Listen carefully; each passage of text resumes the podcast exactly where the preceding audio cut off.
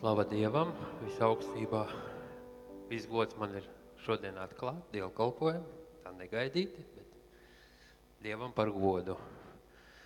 Un diev, dievkalpojumu es gribētu sākt ar 49. psalmu dzīves mīklas. Dziedātāji vadonim no karašķītu dziesmām. Uzklausiet to visas tautas, lieciet vērā visi, kas apdzīvojat pasauli. Jūs cilvēku bērni visnotaļ bagāti un nabagi visi līdz. Manas mutes runa, lai ir gudrība, un manas sirds pārdomas, lai ir dziļā patiesībā. Es savu ausi pievērsīšu gudrības, līdzības vārdam un savu mīklu izteikšu ar koklas skaņām. Kāpēc gan man ļaunā dienā bīties, kad ap mani plosās manu vajātāju negantība? Viņi paļaujas uz sava padoma un lepojas ar, saviem lielo, ar savu lielo bagātību. Taču neviens ar naudu nevar savu brāli izpirkt dievam, dot par viņu atpirkšanas maksu no nāves. Visai augsta būtu viņu dvēseles cena, tā kā viņam no tā jāatsakās uz mūžiem, lai tas dzīvotu mūžīgi un, kā, un kapu neredzētu.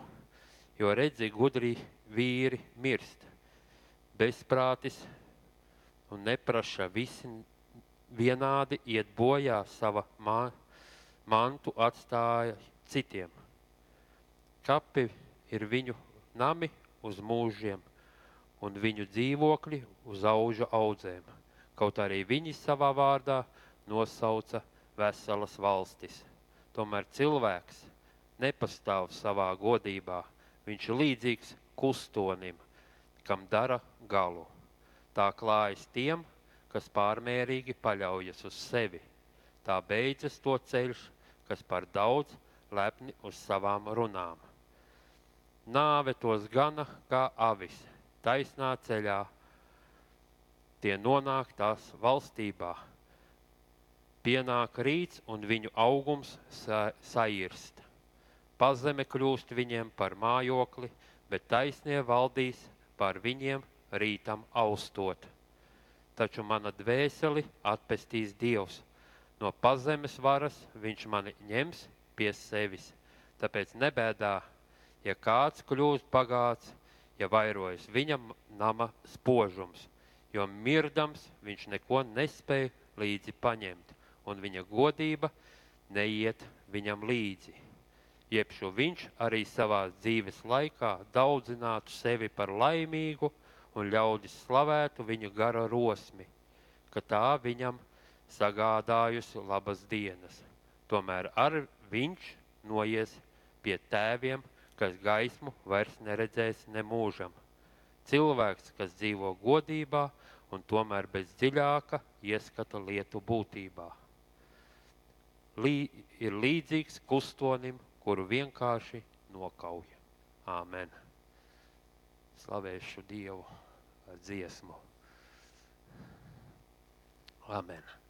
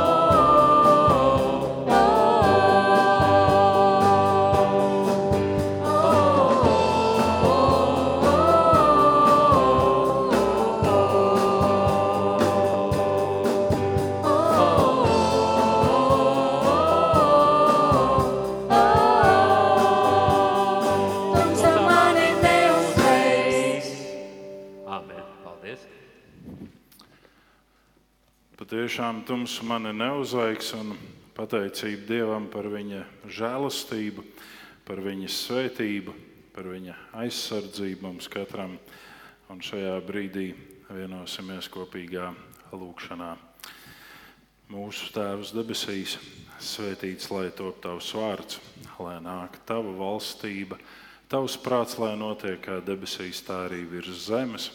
Mūsu dienascho maizi dod mums šodien, un piedod mums mūsu parādus, kā arī mēs piedodam saviem parādniekiem. Un neieved mūsu kārdināšanā, bet atpestī mūs no ļaunā, jo tev pieder valstība, spēks un gods mūžīgi mūžos. Āmen. Āmen. Un šajā brīdī vienosimies arī kopīgā Bībeles lasījumā no Jēkabas vēstules pirmās nodaļas, 2 līdz 8 panti. Ikreiz, kad pār jums, mani brāļi, nāk dažni dažādi kārdinājumi, uzņemiet to ar vislielāko prieku. Saprastami, ka jūsu ticības pārbaudīšana rada izturību, bet izturības piepildījums lai ir tas, ka jūs esat pilnīgi un nevainojami, bez jebkāda trūkuma. Bet, ja kādam no jums trūkst gudrības, lai viņš to lūdz no Dieva, kas labprāt dod visiem, neko nepārmestams, un viņam tiks dots. Lai viņš lūdz ticībā, bez šaubīšanās, jo tas, kas šaubās, līdzinās vilnim jūrā, ko vējš svaida un dzenā. Šāds cilvēks ar sašķeltu dvēseli, kas nepastāvīgs visos savos ceļos, lai nedomā kaut ko saņemt no kunga. Āmen. Sēdieties. Trīs mazie ievirzes pārdomu aspekti. Pirmais - būt pilnīgam un nevainojamam, sniedz atbildi uz kārdināšanām. Jo mēs sakām, šajā tekstā pirmais vārds ir Ik reiz, kad pār jums, man brāļi, nāk dažni, dažādas kārdināšanas, un mēs sakām, jā, bet svētajā lūkšanā mēs lūdzam, lai Dievs paņem prom kārdināšanas no mums, lai kārdināšanas iet secen mums, tad kā tas sanāk kopā, ka šajā brīdī te ir teikts, ka mēs krītam dažni dažādās kārdināšanās, un tanī pašā laikā, kā tās kārdināšanas tiek paņemtas prom.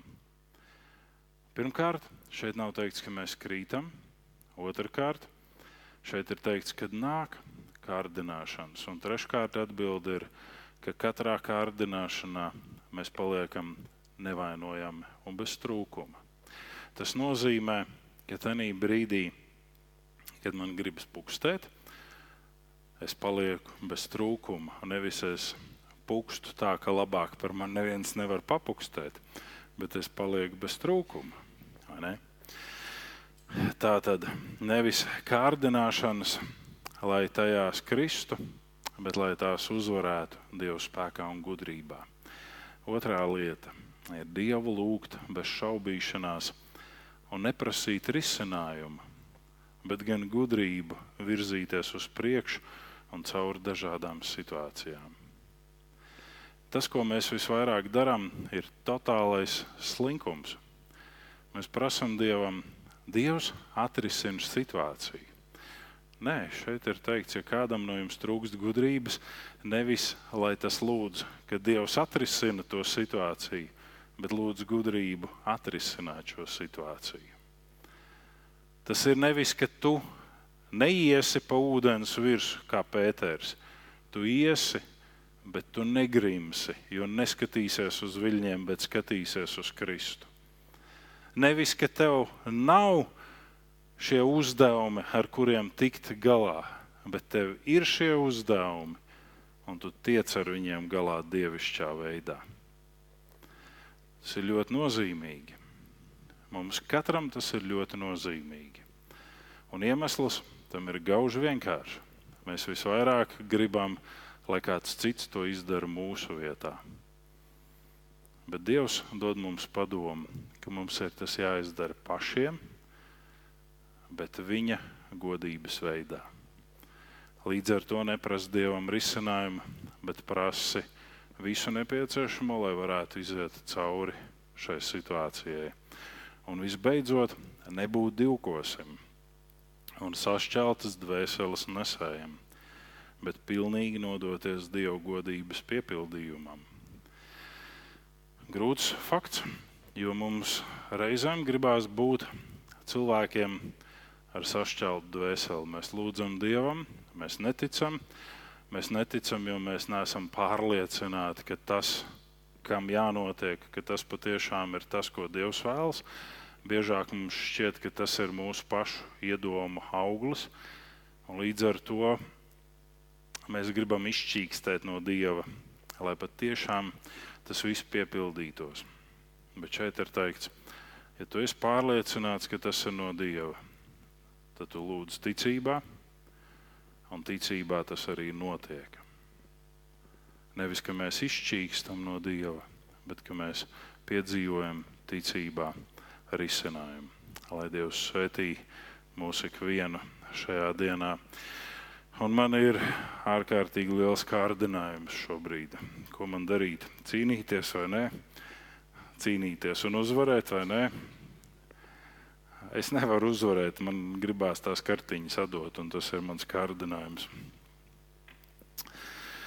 Cīnījās labo ticības cīņu, turi cieši mūžīgo dzīvību, uz ko tu esi aicināts apliecinādams savu labo atzīšanas liecību daudzu liecinieku priekšā.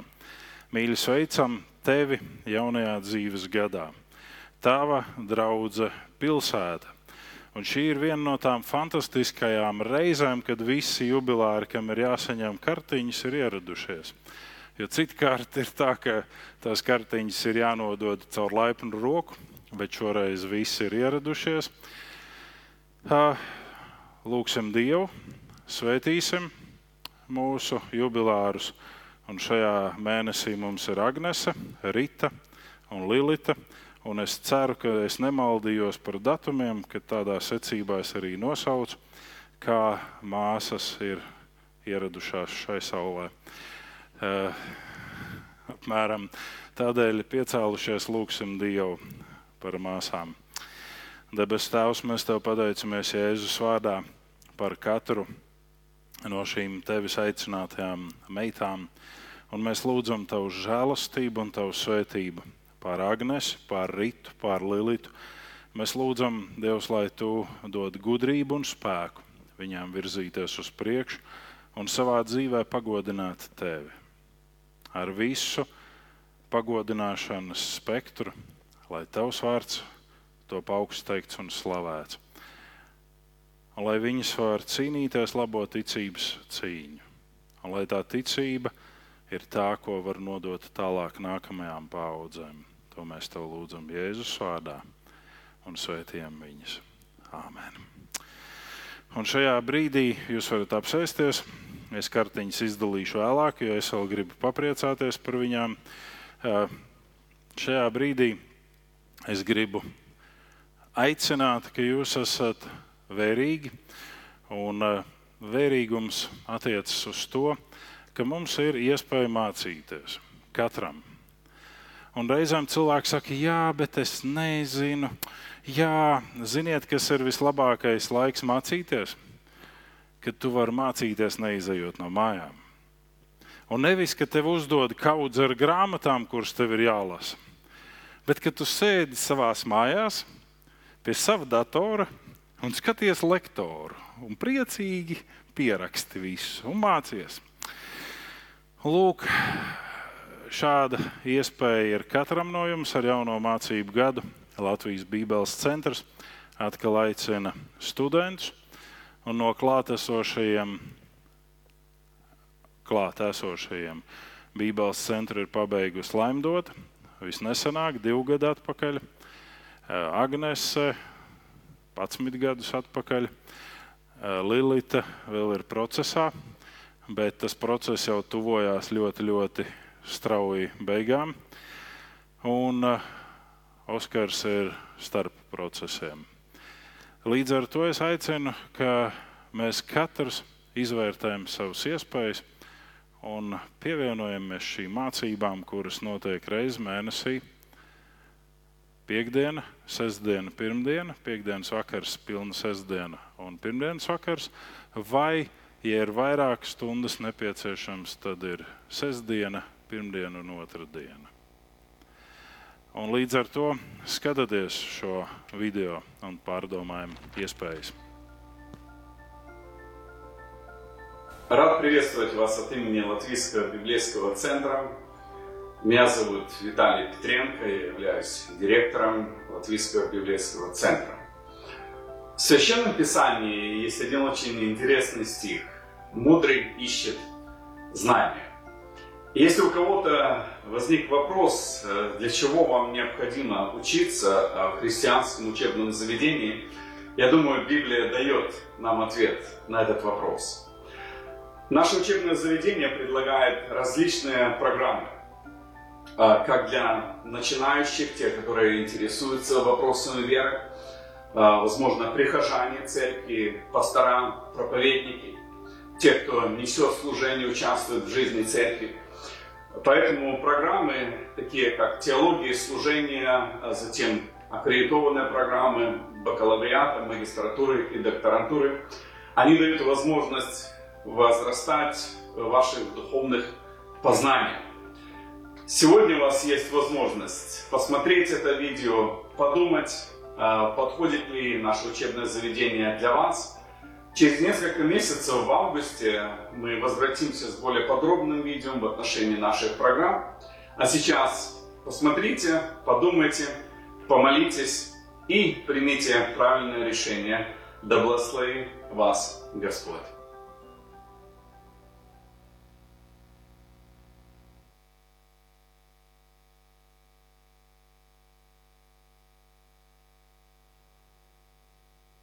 Да, да.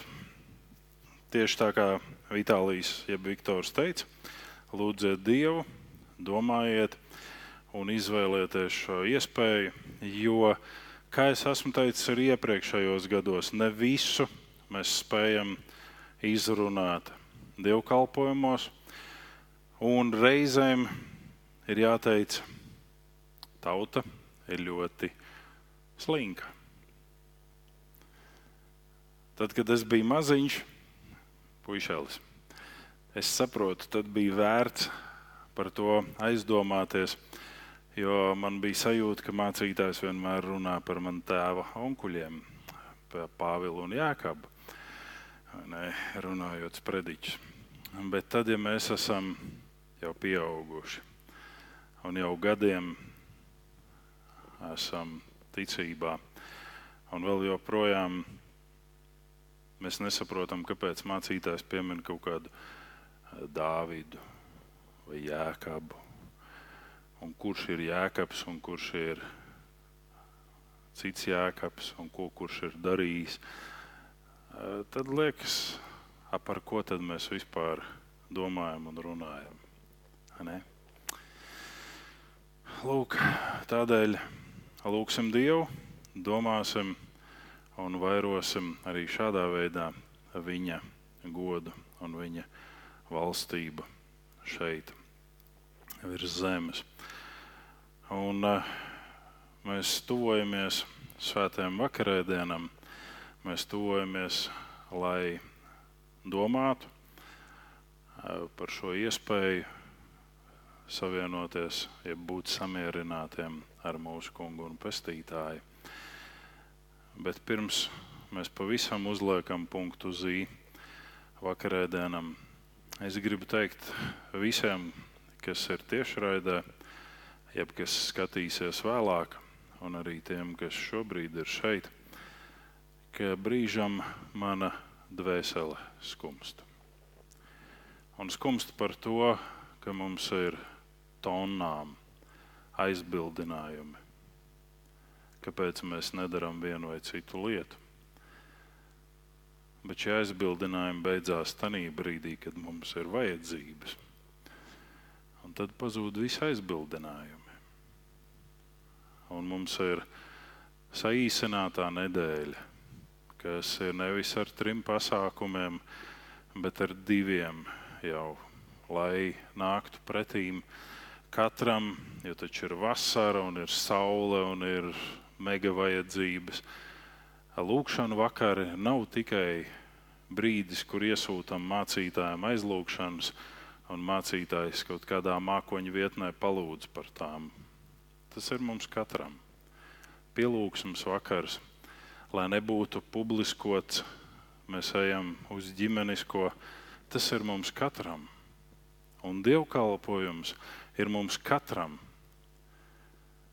Šajā aizvadītajā gadā es jau esmu pieminējis to, bet es sastapos ar tādu interesantu pārliecības momentu, ko cilvēki saka, nu, tev jau vairāk brīva laika. Tu jau varētu izdarīt to vai šo. Ir patīkami, jo es neesmu nokavējis nevienu svētdienu, nevienu otrdienu, nevienu ceturtdienu iedomāties, ka tas ir tāpēc, ka man ir daudz brīva laika. Bet, piemēram, tie, kas bija ceturtdien pie manis mājās, redzēja tu situāciju, kāda bija. Es varu atstāstīt detaļas, un es varu neatstāstīt. Bet tā situācija bija tāda, ka bija jautājums, vai mēs paliksim bez poda tajā naktī, vai mums būs pods. Bet tad, kad bija pielūgsme, tad poda darbi tika nolikti malā, jo tagad ir pielūgsme. Un mēs vienojamies visi kopā. Nevis tikai tie, kuriem ir daudz brīva laika. Un tad, kad ir dievkalpojumi, tad man vienkārši tas fascinē. Mēs staigājam visur apkārt. Uz darbu ejam, tie, kas iet uz darbu, sastopamies ar cilvēkiem, uz veikaliem ejam kā ar dievkalpojumiem, mēs baidamies, ka tikai neaplīpam ar kaut ko. Cilvēki ir aplipuši arī tad, kad nav bijuši dievkalpojumā. un tad, kad ir bijuši svaigā gaisā un labā audiencē. Tas ir atkarīgs no tā, vai man ir jāsaslimst vai nē. Un ja šis ir tas mans ķieģelis, tad, tad tas ir mans ķieģelis. Un ja šis nav mans ķieģelis, tad tas nebūs mans ķieģelis. Jo šeit ir tas jautājums, vai mēs mīlam Dievu, vai mēs mīlam to sabiedrību, ar kuru mēs kopā varam tuvoties Dievam. Un tieši tāpat es vairāk kārtīgi esmu dzirdējis no cilvēkiem, nu, tava draudzene vai jūsu draudzene. Nē, vai nu šī ir mūsu draudzene, vai šī ir Kristus draudzene, bet tā nav ne mana, ne attālināta jūsu, tā ir mūsu. Ne. Tāpēc domāsim par šīm iespējām, kuras Dievs mums vēl dod, lai nebūtu tā diena ar rūkumu mūsos, kad mēs vairs nevaram sastapties. Un tad, kā psalmists saka, es atceros, kad mēs visi varējām iet tā kunga namā un priecāties, bet nu vairs es nevaru. Kāpēc? Tāpēc, ka es esmu izsūtījumā. Es esmu svešā zemē, kur man liek pie Bābeles upēm dziedāt ciānas dziesmas. Tur, kur ir pakārts vītolos koklis un cītārs, kur vairs negribās dziedāt, jo ir spaidu apstākļi. Būsim vērīgi ievērosim laiku un ievērosim žēlastību, kas mums ir dota. Es esmu audzis savdabīgos apstākļos,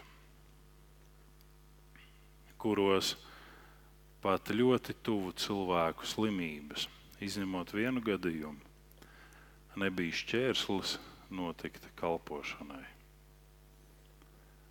Izņemot 2005. gadu, kad manu papu naktī no sestdienas uz svētdienu ievietoja Talsu slimnīcā, nē, no piekdienas uz sestdienu. Un vajadzēja saorganizēt viņu pārvešanu uz Rīgu. Tad tajā svētdienā es nebiju dievkalpojumā un nekalpoju. Jo es asistēju ātrai palīdzībai ceļā no Talsiem uz Rīgu man bija sajūta, ka viņi nezina ceļu. Ne. Bet pat tādā gadījumā, kad pirmā brīvā atļautā evanģelizācija notika 90. gadā, un uh, mans brālis bija Rīgā pie vecās mammas, kura jutās nevisai spirti. Un mēs bijām Mērsagā evanģelizācijā, un ziņa pienāca uz mērsragu, ka vecā mamma taisās doties prom. Ko darīt? Paps teica, ieliec saldētavā, nu ne jau mājas leduskapī, bet nu, morgā. Un, kad beigsies evanģelizācija, mēs visu atrisināsim. Tāpēc netiks pārtraukts nekas. Vecā mamma nodzīvoja vēl gadu un aizgāja visu savu tuvinieku.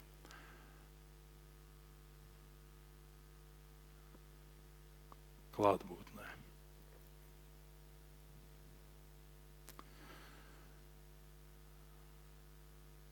Tāpēc izmantosim šo laiku. Jo raksts saka, šīs dienas ir ļoti interesantas. Ar savu ļaunuma iezīmi un mīlestības trūkumu. Tāpēc domāsim par to. Un šajā brīdī, pirms mēs svētām svēto vakarēdienu, eh, mācītājs Jānis ir teicis, ka viņš grib izteikt kādu aizlūgšanu, ko mēs arī ļausim viņam darīt.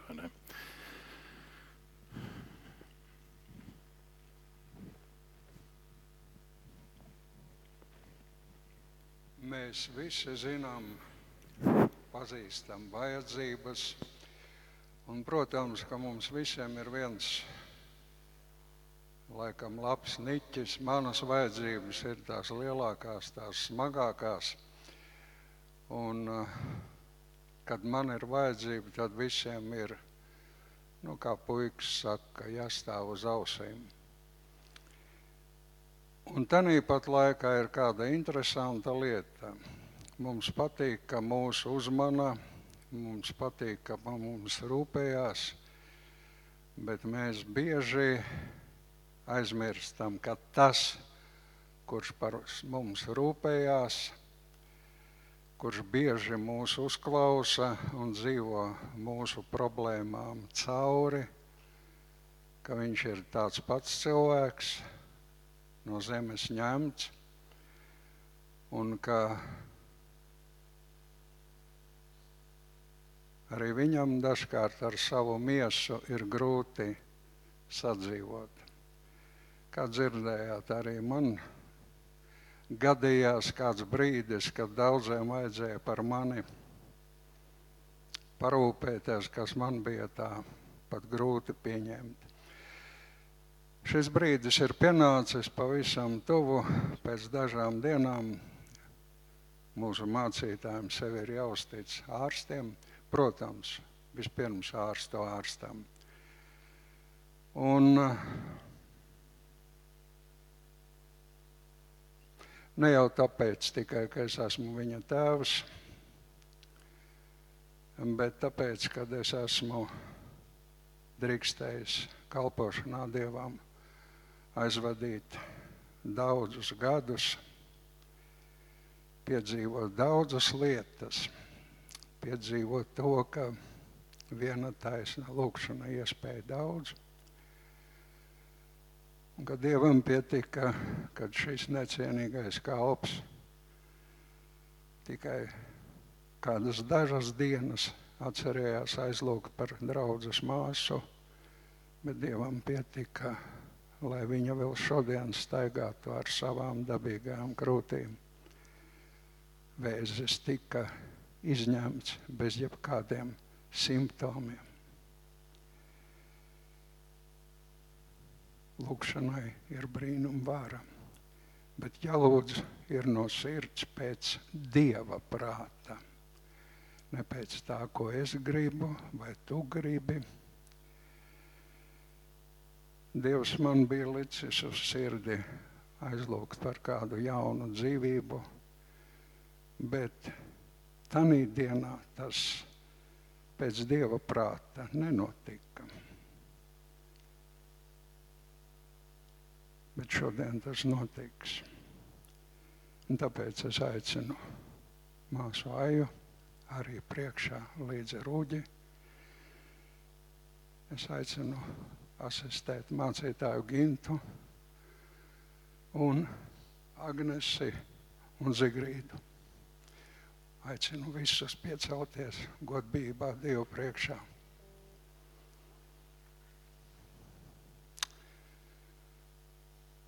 Pat cik šis mirklis savā ziņā laikam ir nobriedis spontāni tad mēs uzticam Dievam vienu lietu. Un proti, Jēkabs runā par eļļu, bet šoreiz tās būs Kristus asinis, ko mācītājs Gins ar krusta zīmi uzliks gan uģim, gan ājai.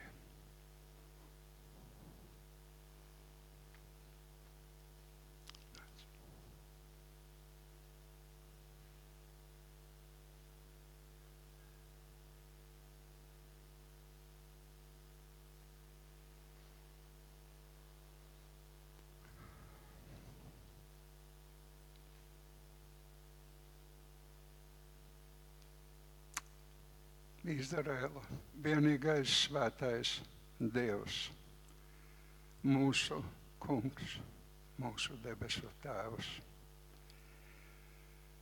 Tu, kas visu zini, tu, kas visu vari, tu, kas mūs esi mātes miesā, no šīs zemes veidojis.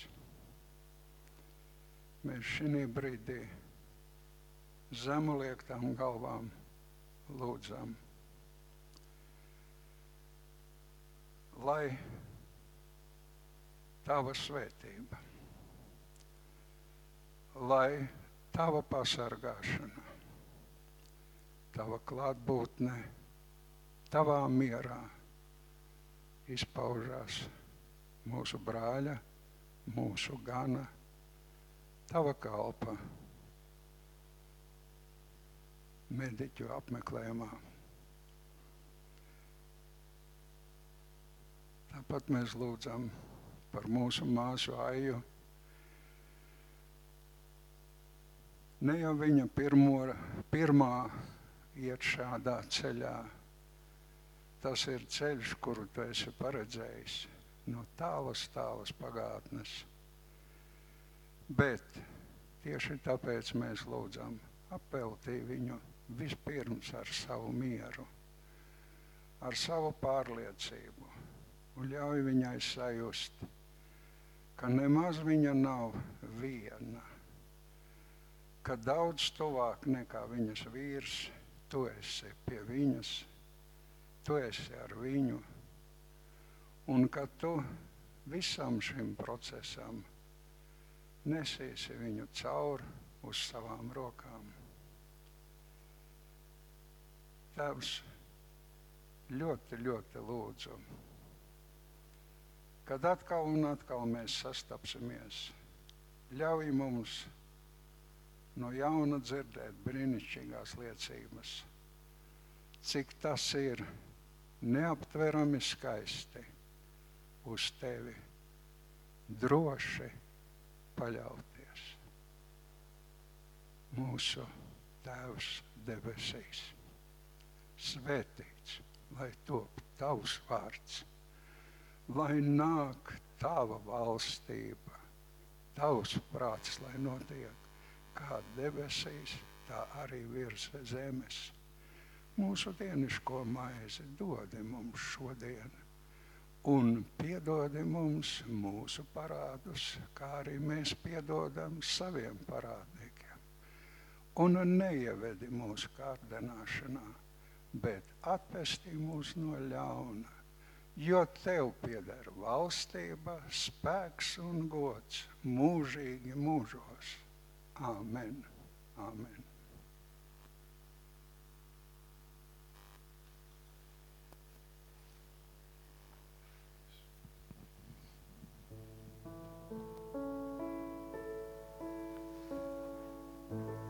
Pateicos par aizlūgšanu. Un, jā, pieņemu, ka būtu priecīgs ne tikai desmitajā datumā, bet arī tajā dienā, kad notiks operācija. Ka jūs varētu būt savā aizlūgšanās kopā ar mani. Un es domāju, tāpat arī priecātos, ka tajā dienā, kad ieskanēsies trauksmes zvans no Jāņa telefona pilsētas čatā, ir sācies.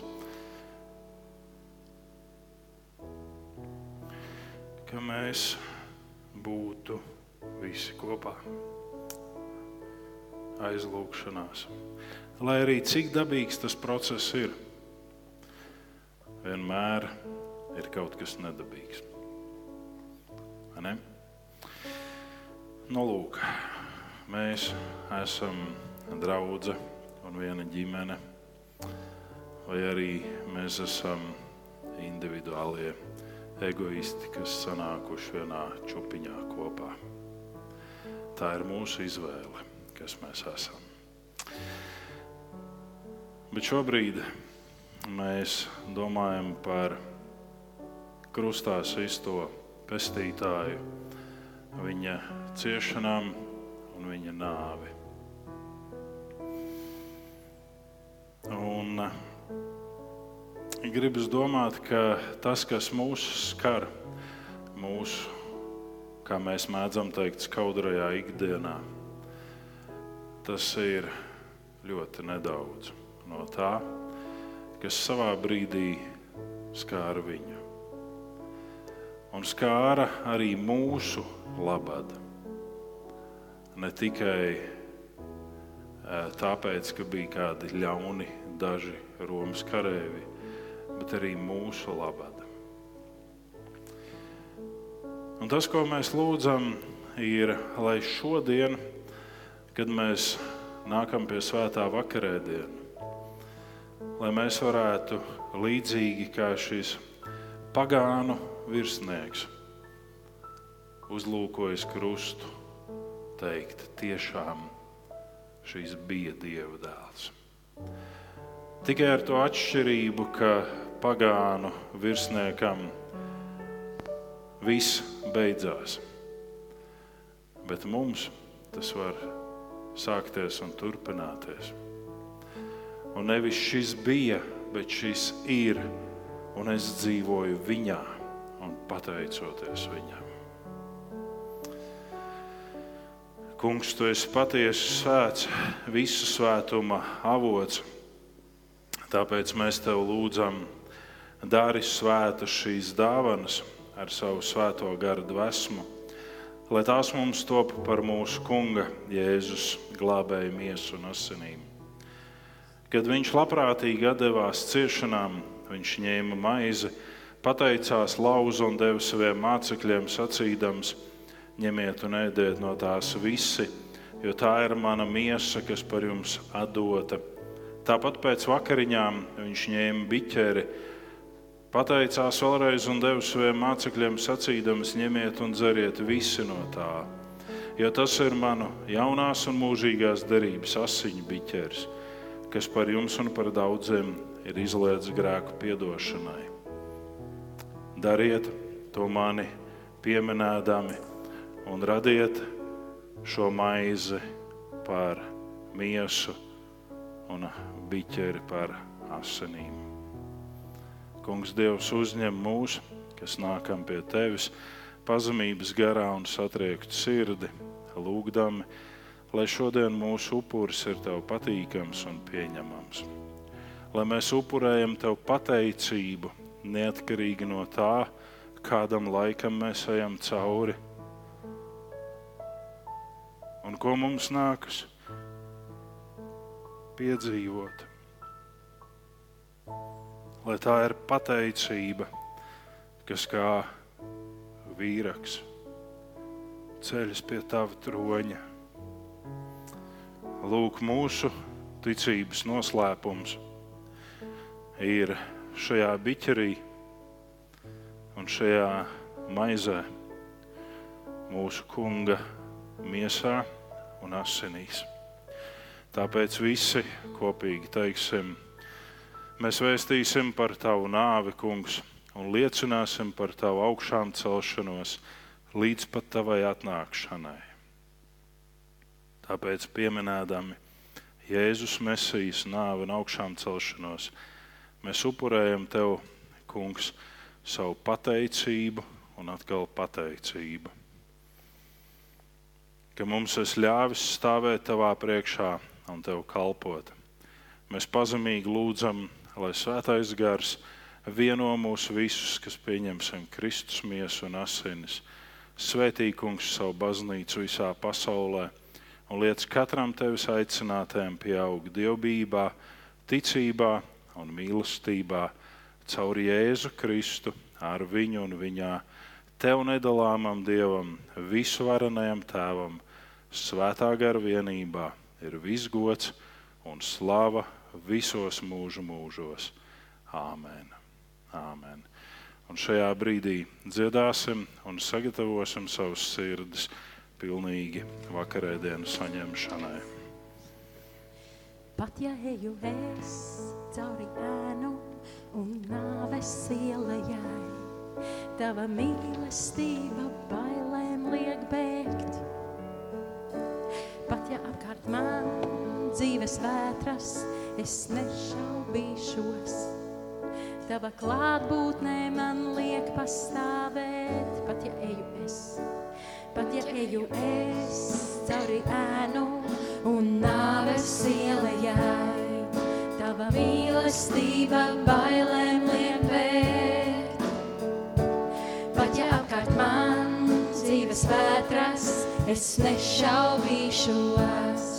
Tava klātbūtnē man liek pastāvēt. Es nebaidīšos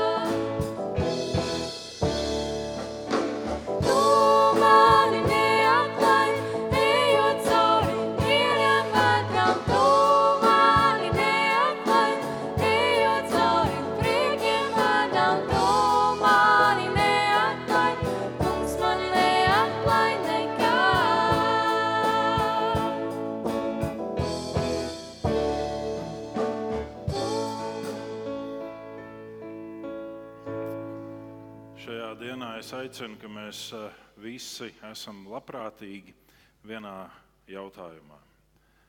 Tie, kuriem ir celiakija un kas nedrīkst ēst uh, miltus ar glutēnu, uzlieciet roku uz krūtīm.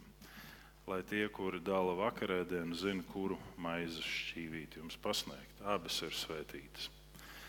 Bet, eh, lai būtu uzreiz redzams, lai tur nav jāsāk minstināties ar tiem šķīvīšiem, lūdzu. Mūsu Kunga Jēzus Kristus miesa, lai kalpo viņa draudzēji un ģimenei par stiprinājumu visā un par dziedināšanu ikvienam. Un mūsu Kunga asins, lai šķīsta mūs no visas netaisnības un dod jaunu spēku mums ikvienam. Ejiet un daliet ganāmpulkam šo miesu un asins par stiprinājumu.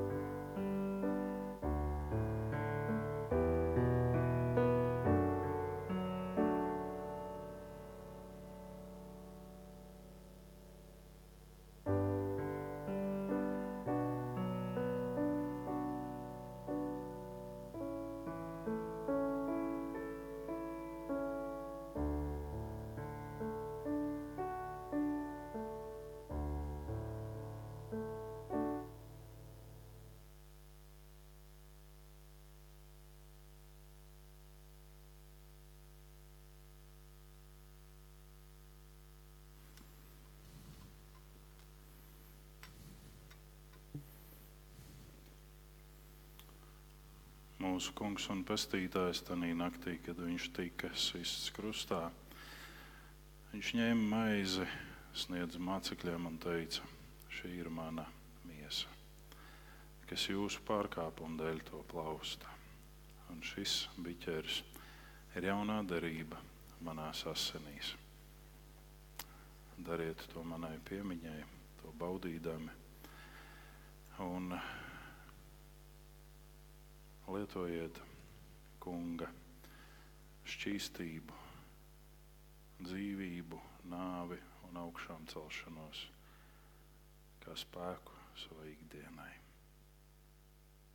Ejiet ar mieru un kalpojiet tam kungam ar pateicības pilnām sirdīm.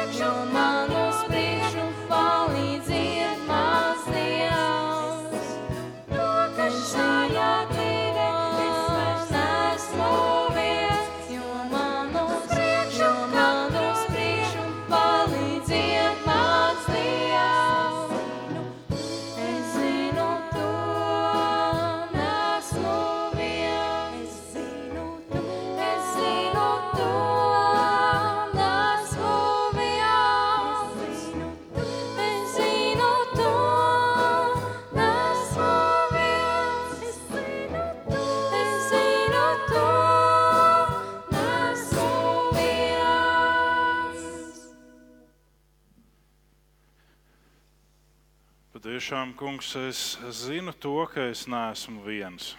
Tu esi ar mani.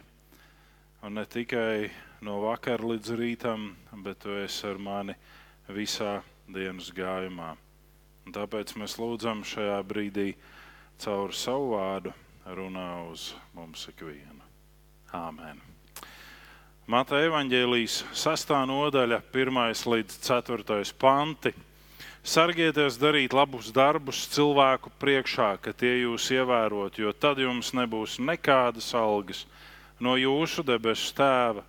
Kad tu dari žēlsirdības darbus, neliec savā priekšā tauri pūst, kā to dara liekuļi sinagogās un, ielām, un uz ielām, lai cilvēki tos godinātu. Patiesi es jums saku, tie jau saņēmuši savu algu. Bet, kad tu dari žēlsirdības darbus, lai tava kreisā roka nezina, ko labā dara, ka tavs žēlsirdības darbs paliek apslēpts. Bet tavs tēvs, kas redz apslēpto tevi, atalgos. Āmen! Sēdieties! Šodien vēlos kopā ar jums runāt par uh, žēlsirdības darbu veikšanu. It kā tāda ļoti zināma lieta, nu kas tur ir žēlsirdības darbi, ietika un veids, un viss notiek. Bet ir kādas trīs būtiskas iezīmes, kuras es vēlos šodien iztirzāt, apskatīt, pie kurām es vēlos apstāties un varbūt mazliet vairāk padomāt.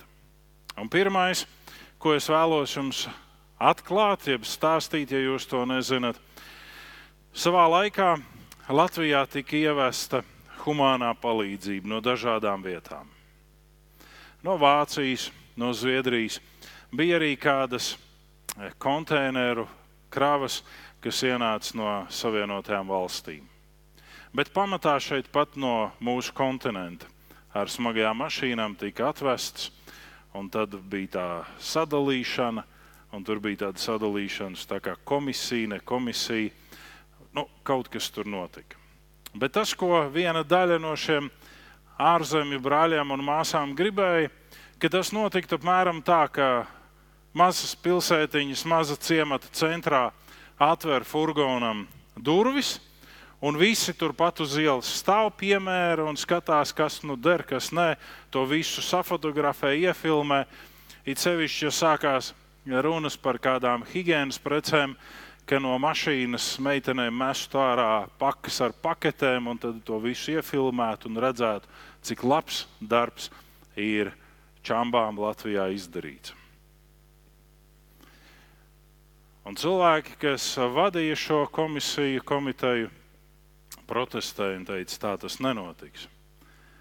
Pirmkārt, pat ja latvieši būtu tik ļoti izbadējušies pēc tām mantām, tas nav veids, kā latvieši rīkosies. Nu, iedomājieties sevi, jūs tā darītu. Uz jūrmālas šoseis mēs atveram furgonam durvis, un tur mēs metam mantu sārā, un kuram der ķer un grābi kā līgā uz pušķi, ko met pār galvu, vai ne? Un tad tur piemēra apmēram, un tad nes mājās. Otrakārt, šī labdarība bieži ir formēta uz to, ka es nelikvīdi laužu skapi mājās, kamēr tu esi darbā.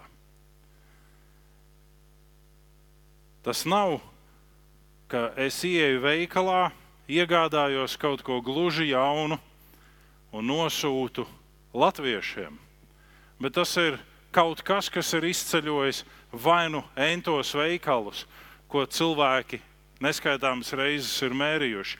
Plus vēl tas ir stāvējis uz kāda manikēna skatlogā, jo viena roka ir gaišākā krāsā nekā otra roka. Un tad, kad tas nav nekur bijis derīgs, vairs to aizsūta kaut kur. Ne? Un otrs par šo visu vajag lielas reportāžas un atskaites, cik labus darbus mēs veicam. Un atbilde ir nē.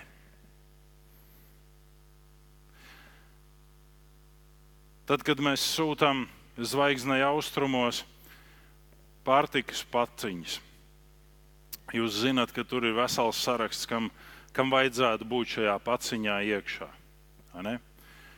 Kāpēc tur ir rakstīts, ka vajag likt svaigu, cieti žāvētu dešu? Kāpēc nevar būt sažļambāti jau? Lai Jordānijā būtu vieglāk, varbūt viņiem tur no nabadzības zobi ir izkrituši nu, tāda sakošļāta, mīksta, pazelē un viss ir labi. Ne? Mēs gribam saņemt labu. Cilvēki ap mums arī vēlās labu.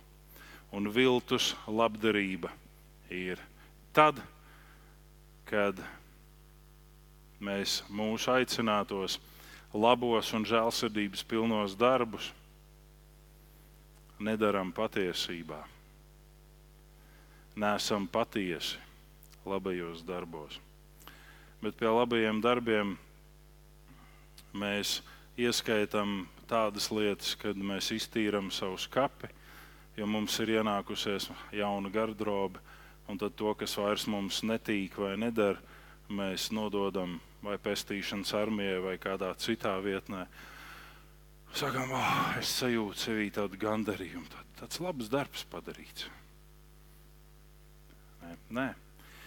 Pie labajiem darbiem ieskaitās arī dāvanas, kuras mēs dāvinam. Jo tas ir mūsu kultūra vidē pieņemts dāvināt.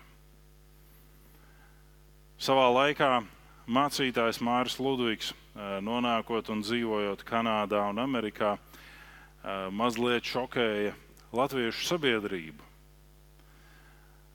Jo viņa sieva paziņoja radījām Latvijā, ka viņi ar Māri ir aicināti uz dzimšanas dienas ballīti, nu, pasākumu, pie kāda cita mācītāja.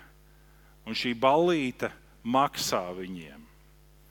Un Māris saka sievai, tu ēdi dušīgi, es par tevi samaksāju 50 dolārus. Tā tad jūs saprotat, ja jūs nākat pie manis, tad nē, es jokoju. Dāvanas ieskaitās labajos darbos. Jo tad, kad es pakoju dāvanu, es domāju par to cilvēku, kurš saņems šo dāvanu. Un tad, kad Jēzus stāsta līdzību par dāvināšanu, kur vecāki sniedz labas dāvanas saviem bērniem, mēs redzam, ka tā kultūra vide nav tāda, ka dāvanas dotu pa labi, pa kreisi. Katrs draugs tik stāv pie virpas un drejā kādu koku cilvēciņu, ko citam draugam uzdāvināt. Nē, nu nē. Tas ir ienācis ar laiku vēlāk bet dāvanas ir šajos labajos darbos. Un tas ir, es domāju, es ielieku visu savu izdomu, radošumu, prieku šajā dāvanā. Tas nav tā, ka tas ir tikai ķeksītam. Ne? Vērtēsim to, ka varam darīt šo darbu, un nav cilvēks, kurš nevarētu veikt labos darbus. To ņemsim vērā, jo mēdz cilvēki teikt, tad, kad man būs tas vai šis, tad es veikšu, bet pašlaik es nevaru.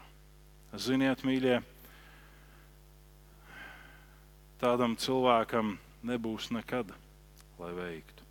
Jo vienmēr kaut kas būs vērtīgāks priekš sevis, kā darīt žēlsirdības darbus. Un par žēlsirdības darbiem netiek uzskatīti tie cilvēki, kas vāc dienasčē kanģis pudelē tie nav žēlsirdības darbi. Žēlsirdības darbi ir brīdis, kurā tu pasniedz cilvēkam reālu žēlsirdību. Brīdis, par kuru mēs varam teikt, ka cilvēks ir nonācis trūkumā, un mēs viņam pasniedzam dienascho maizi. Nevis sakam, ej, stiprinies ticībā, un viss būs labi bet mēs viņam sniedzam to, kas ir nepieciešams. Un tad, kad mēs dāvinam, arī tad mēs sniedzam to, kas mūsuprāt šim cilvēkam varētu patikt un būt nepieciešams. Protams, mēs gribētu, un tas ir ļoti cilvēcīgi, ka cilvēki izsaka savu pateicību tad, kad viņi saņem šo mūsu devumu. Bet Jēzus par to runā. Labā roka, lai nezinu, ko kreisā dara. Labā varbūt saņēma pateicību. Kreisā to nezinu. Mums ir nepieciešams abas divas dabas, mīļie. Mums ir jābūt pateicīgiem Un to es saku jums kā draudzēji, nevis cilvēkiem, kuri saņem žēlsirdības darbus. Jo tie cilvēki reizēm ir izmisumā, un viņi nezina, kā tikt līdz rītdienai. Bet mums, kā draudzē, ir jābūt pateicīgiem. Un cilvēkiem, kas sniedz žēlsirdības darbus, tas ir jāveic inkognito. Nelielies un zini, ka tas, ko vari tu, ir Dieva darbs. Un mēs sakām, oh, man viss ir gana, man viss ir labi, un es varu darīt tā, un es varu rīkoties šādi. Un Jēzus saka, nelielies, nelielies. Jo tas, ko tu vari, tā ir Dieva žēlastība un tas ir Dieva darbs tevī. Romiešu vēstuli 11. nodaļa, 18. pants saka mums sekojoši: Tad nelielies citu zaru priekšā. Bet, ja lielies, tad zini, nevis tu nes sakni, bet sakne nes tevi. Šo nekad nepazaudēt kā atziņu. Ne tu nes Dievu, bet Dievs nes tevi.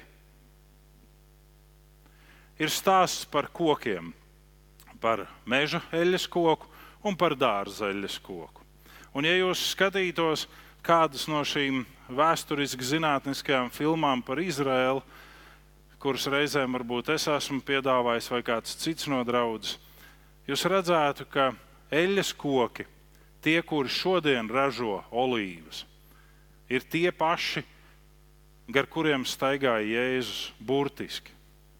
Jo viņi ir sīksti, viņi ir izturīgi, un tāpēc šīs akmeņainās kalna nogāzes veido kā terases, un uz tām sastāda šos olīvu kokus. Un viņi ir tūkstošgadīgi.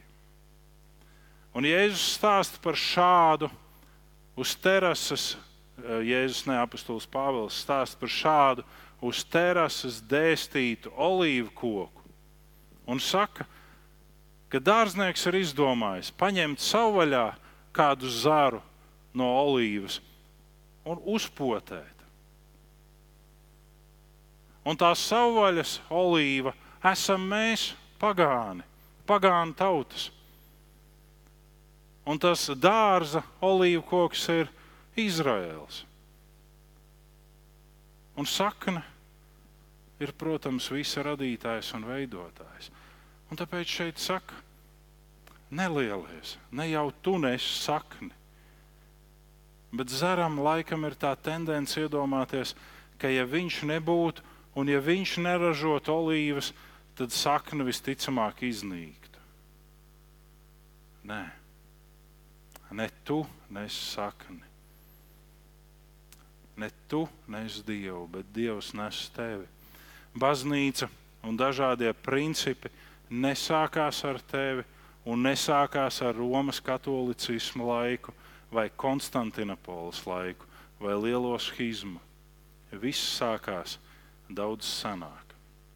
Un principi ir palikuši tie paši. Tikai mēs mēģinām tos atvieglot un aizstāt ar dažādu aizstājēju un adaptīvo metožu palīdzību. Cilvēki ir aizstājuši Tanahu, Dievu, ar tādu kaut ko ļoti savādu. Tāpēc arī vairojās grēks un ļaunums. Cilvēki šodien paziņo, ka grēks ir viduslaiku izdomājums. Elle arī apmēram ap to pašu laiku radusies. Un tad ir jautājums, kāpēc mums iet tā, kā mums iet? Un kāpēc viss iet tik ļoti nepareizi? Kāpēc pasaule tiek turēta spriedzē? Kāpēc ir visas šīs manipulācijas ar cilvēkiem, ar valstīm? Kāpēc? aizvadītajā nedēļā es mēģināju iepazīties ar kādu eksperimentu. Neveicot pats to, bet lasot par šo eksperimentu, kas tika veikts Otrā pasaules kara laikā, kad zinātnieki paņēma kādu cilvēku uz nāvi notiesātu un paziņoja šim cilvēkam, ka viņam ir iespēja piedalīties zinātnes projektā, ka viņam tiks noticināts asinis un pārbaudīs viņa sirds darbību, kā tā palēninās līdz pēdējiem asins pilienam. Vai viņš piekrīt šim eksperimentam? Un cilvēks teica, ka nav starpība, vai viņš uz elektriskā krēsla tiek nomušīts vai šādā veidā. Un zinātnieki piesēja šo cilvēku pie gultas, veica iegriezumu vēnā, ievadīja caurulīti, pa kuru tecinās asinis nost, un apakšā zem šīs caurulītes uz grīdas palika alumīnija vai metāla bļodu. Un līdz ar to katrs asins piliens bija dzirdams šajā telpā. Un tad vienā brīdī zinātnieki aizstāja šo asins tecināšanas caurulīti ar ūdens caurulīti. Un vadot ūdeni caur šo caurulīti, viņi samazināja pilienu intervālu. Pilieni kļuva aizvien lēnāki un lēnāki, un cilvēka seja palika aizvien pelēki zilāka, līdz apstājās viņa sirds. Kāpēc? To sauc par psihosomātiku. Cilvēkam bija sajūta, ka viņam tecina asins nost, bet pie pusnotecinātajām asinīm turpinājums bija ūdens, ko tecināja. Un nevis viņam sirds apstājās, jo viņam beidzās asins ķermenī, bet viņa sirds apstājās, jo viņš sevi ietekmēja ar to, ka viss asins jau ir beigušas tecēt, jau vairs nav. Jau pili ļoti lēni asins ārā. Un tas, ko mēs piedzīvojam šodien, ir tieši šis. Mēs esam pieņēmuši, ka tas, kas ir vecajā derībā, jeb Tanahā, tas neatiecas uz mūsu laiku. Tie likumi, kas tur ir, tie attiecas tikai uz kādu konkrētu mazu kultūru vidi. Tā dzīves skola, kas ir ietverta šajā daļā, attiecas tikai uz kaut ko, ne jau uz mums. Un līdz ar to mēs sākam nest sakni.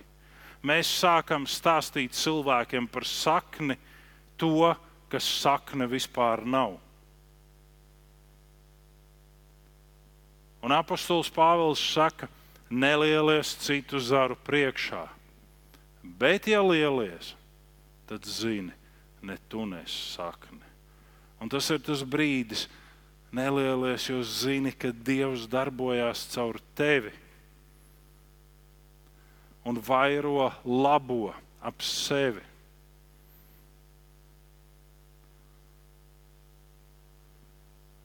Es gribētu teikt, ļoti populistiski varbūt, ka šī draudzība ir atvērta visiem cilvēkiem. Izslimojušiem, nevakcinētiem un vakcinētiem. Visiem. Un mēs gribam reizēm norobežoties, un mēs sakām, tur kāds ir ļoti vājš savā raksturā, vai tur kāds ir ļoti agresīvs. Tad mācīsimies mēs kā ticīgie sēt žēlsirdību un žēlastību, nevis agresivitāti šajā jautājumā kaut vai. Elposim brīvi Dieva doto skābekli un svētīsim viens otru. Un atcerēsimies, sakne nes mūsu. Bija diena, kad es jums šeit stāvot teicu, ja vajadzēs, ja Dievs tā uzskatīs par labu, esam, es izslimošu, un ja vajadzēs, ja Viņš man sauks mājās, es došos mājās. Es esmu izslimojis. Es esmu nesis šo C19 sevī un varu pateikties Dievam par viņa žēlastību. Un ir brīdis, kad ir kādas ķirurģiskas manipulācijas jāveic manī, un nevis tādēļ, ka es gribētu būt skaistāks savos gados. Vai ar lielākiem bicepsiem, tad implantēšu muskuļus. ir jāveic šis un tas. Un kā teikt, ja šis ir mans ķieģelis, tad tas ir mans ķieģelis, un ja nē, tad Dievs ir ar mani. Bet tad, kad mēs veicam žēlsirdības darbus, tad mēs visi vienādi uz to esam aicināti.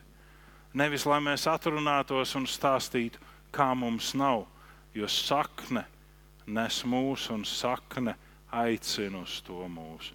Un viss pēdējais, ar ko mēs arī noslēgsim, ir klusuma princips. Tēvs atmaksā apslēpto.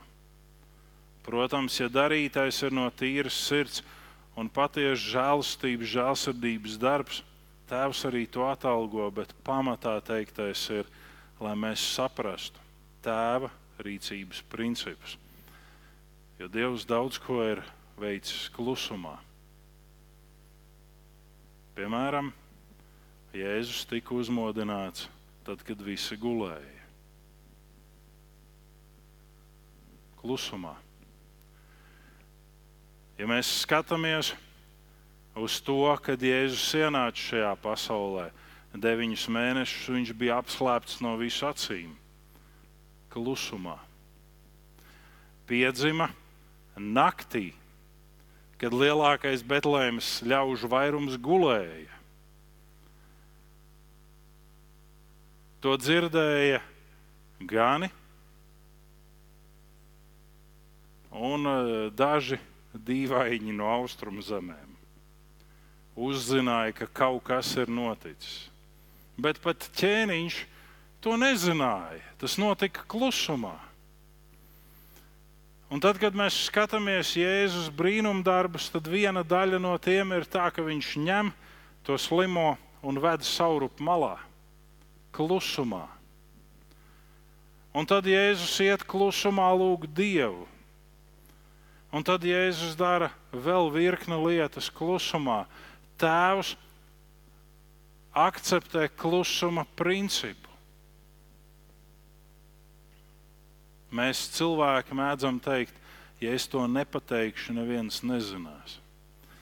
Man ir jāpastāsta par manām sliktajām sajūtām, jo savādāk man neviens nejutīs līdzi. Man ir jāpastāsta par savām labajām sajūtām, man ir jāpastāsta, cik ļoti es esmu aizņemts, jo savādāk visiem liekas, ka es neko nedaru.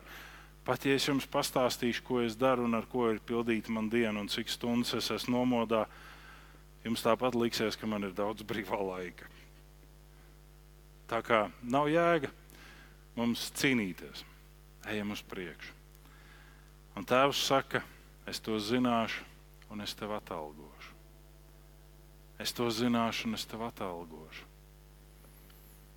Jēkabā vēstule 1. nodaļa, 17. un 18. pānta mums stāsta, jebkurš labs devums un jebkura pilnīga dāvana nāk no augšas, no gaismas tēva kas ir pastāvīgs un nav mainīgs kā ēna. Viņš mūs ir izvēlējies un atzemdinājis ar patiesības vārdu, lai mēs būtu kā viņa radījuma pirmā augļi. Jebkurš labs devums, tu kā labs devums, un tas žēlsirdības darbs, ko Tēvs grib, lai tu dari, kā labs devums, nāk no viņa, bet veic to klusumā Neliec to izbazunēt. Neliec tauri pūs savā priekšā. Steigsimies darīt labu, kamēr ir iespējams. Jo mācītājā 9. nodaļa, 10. pants saka, ko tava roka spēj izdarīt, to dari ar visu spēku. Mēs reizēm sakām, o, oh, es esmu tik ļoti noguris, es atpūtināšu sevi. Un mēs apsēžamies pie viena cainā pirāta, un mēs atpūtinām sevi, bet mēs nogurstam vēl vairāk. Es arī esmu bijis tur. Šobrīd, par laimi, jau divu gadu manā mājā televizors ir saplīsis. Ne? Un viņš netiek remontēts. Lai nebūtu kā citiem jāizkrāso ar krāsu, un pēc tam no stūra jāsāk kasīt tā krāsa nost. Uh, es atpūtīšos. Mācītājs saka, ko tavu roku spēj darīt, to dari. Dari ar pateicības pilnu sirdi, dari ar prieku to, ko tu dari. Dari. Kāpēc? Jo tur, kur mēs visi dodamies, tur nebūs ne darba, ne domas, ne zināšanas, ne gudrības. Kapā, kur mēs dodamies, tur tā nebūs. Jūs varat rakstīt uz kapakmeni, šeit guļ nopelniem un pelniem bagāts zinātņu doktors. Un lai viņam vieglas smiltis. Šeit guļ izcils baletmeistars Lidpastala. Lai viņš tur guļ. Meistars dziedonis šļaksts arī turpat blakus. Lai viņš tur guļ. Kamēr mēs elpojam, darām to, ko mēs varam darīt, un darām dušīgi, un darām ar prieku, un darām par svētību visiem. Darām. Jo tas, kas priekš mums ir veikts, par to tiek teikts, izdarīts. Bet tas, ko mēs varam veikt, ir darām, darām, kunga godam, kamēr ir laiks un kamēr ir iespēja. Darīsim labu un stāsimies pret ļauno. Kā? Tad, kad mēs vairojam labo un darām labu, tur ļaunajam nav vietas. Tur ir kāds kārdinājums. Redz, kā es visiem daru labu, un kāpēc man tagad ir tā. Es domāju par Jēzu. Cik daudz viņa rokas bija dziedinājušas, bet kapā tās bija caursistas un mierā. Viņa lūpas, kas bija uzrunājušas ar dievišķo gudrību, neskaitāmas, klusēja. Sirds, kas pukstēja mīlestībā, bija bez dzīvības pazīmēm. Arī Jēzum, kamēr elpo, dari, būs vieglāk dzīvot.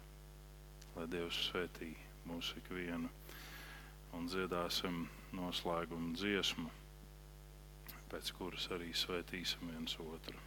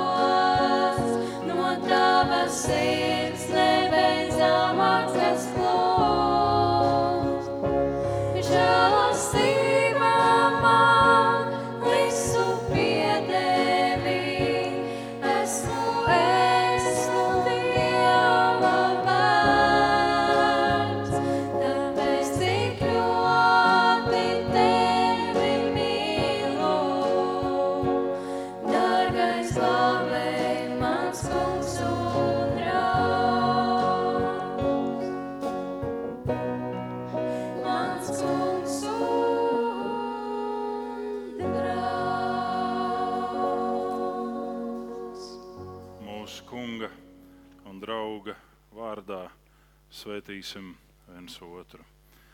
Kungs tevi svētī un tevi pasargā. Kungs apgaismo savu vaigu pār tevi un ir tev žēlīgs. Kungs uzlūko tevi ar lapatiku un dod tev savu mieru. Āmen. Āmen. Silti un mīļi sveiciet viens otru. Āmen.